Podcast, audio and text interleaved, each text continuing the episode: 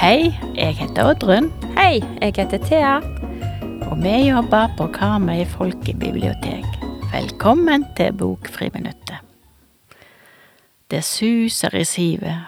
For en nydelig tittel på ei bok. Ja, denne klassikeren av ei barnebok er utrolig fin. Og den passer faktisk for alle aldre. Og den utgaven som jeg har lest, er fint illustrert av David Roberts. Ja, hva kan du fortelle om Det suser i sivet?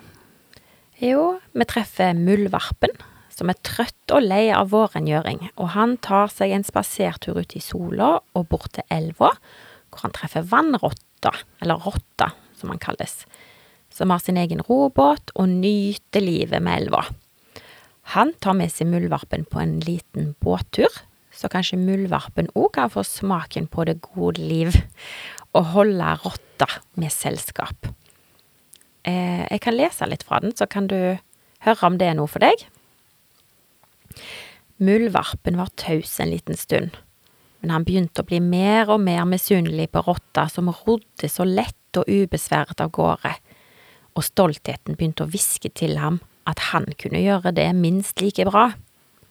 Han sprang opp og grep årene så brått at rotta, som så utover vannet og mumlet flere vers for seg selv, ble så overrasket at han falt baklengs av toften med beina i været for andre gang, mens den triumferende muldvarpen tok plassen hans og grep årene selvsikkert.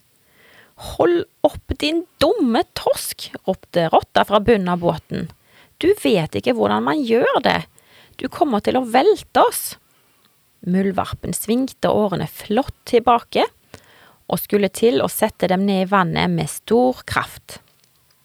Han bommet helt på vannflaten, så beina vippet opp over hodet på ham, og dermed landet han oppå rotta, som lå langflat på bunnen. Han ble veldig skremt og grep tak i båtripen, og i neste øyeblikk, plask! Båten gikk rundt, og der lå han og kavet i elven. Å, du, så kaldt det var. Og å, så vått det kjentes. Som det sang i ørene hans da han sank ned, ned, ned. Oi, er det ei sånn spennende bok? Jeg håper at muldvarpen kommer seg opp av vannet igjen. Ja, det må vi håpe. Og boka er både poetiske og morsomme, med nydelige naturskildringer, og ikke minst en rekke beskrivelser av herlige frokoster og lunsjer som man får vann i munnen av. Og den er spennende. Hvem utenom målvarpen og rotta treffer vi i boka? Jo, vannrotta er den som kjenner og står på god fot med de fleste. Han vet hva som rører seg i nabolaget, blant alle dyrene. Og vi ble bedre kjent med blant andre grevlingen, oteren og ikke minst padda. Padda skal alltid prøve noe nytt, og er aldeles ikke så nøye med å følge lover og regler. Han tenker seg rett og slett ikke om. Han følger bare hver minste innskytelse, og de er det mange av, for å si det sånn. Så uten å si for mye, så gjør padda så mye ugagn at han havner i et fengsel med høye murer og dårlig mat. Og der må han være i hele 20 år. Selvsagt er jo padda veldig lei seg, da.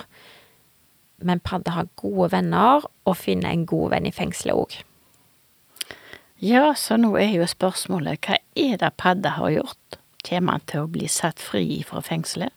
Ja, og hvordan vil det gå med det store, flotte, ærverdige huset til padda mens han er borte? For det er nok av skumle dyr som kunne tenke seg å flytte inn der nå når eh, han er ute av veien. Jaha. Og hvis du som hører på vil finne ut av alt dette, så kan du låne Det suser i Siva og Kenneth Graham på Karmøy folkebibliotek.